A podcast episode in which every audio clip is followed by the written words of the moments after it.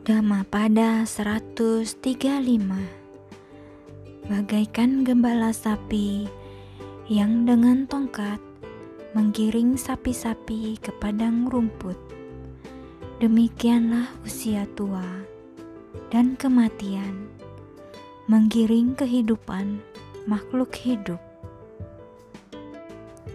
Kisah latar Suatu hari, sekelompok wanita dalam jumlah besar datang ke wihara Bubarama untuk menjalani delapan sila.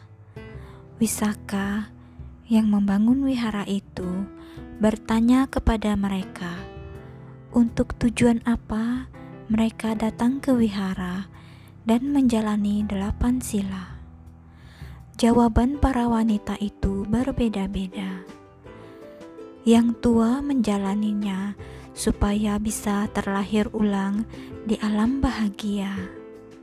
Yang paruh baya berkata bahwa mereka ingin hidup tenang dan makmur dengan keluarga mereka.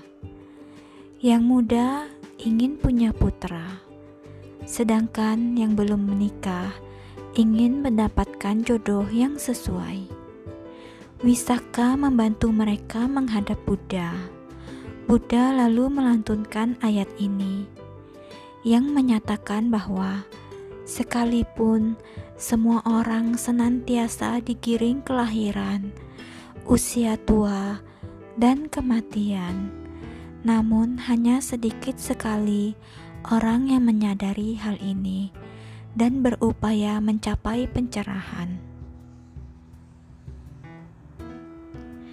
Bagaikan gembala sapi yang dengan tongkat menggiring sapi-sapi ke padang rumput. Demikianlah usia tua dan kematian, menggiring kehidupan makhluk hidup.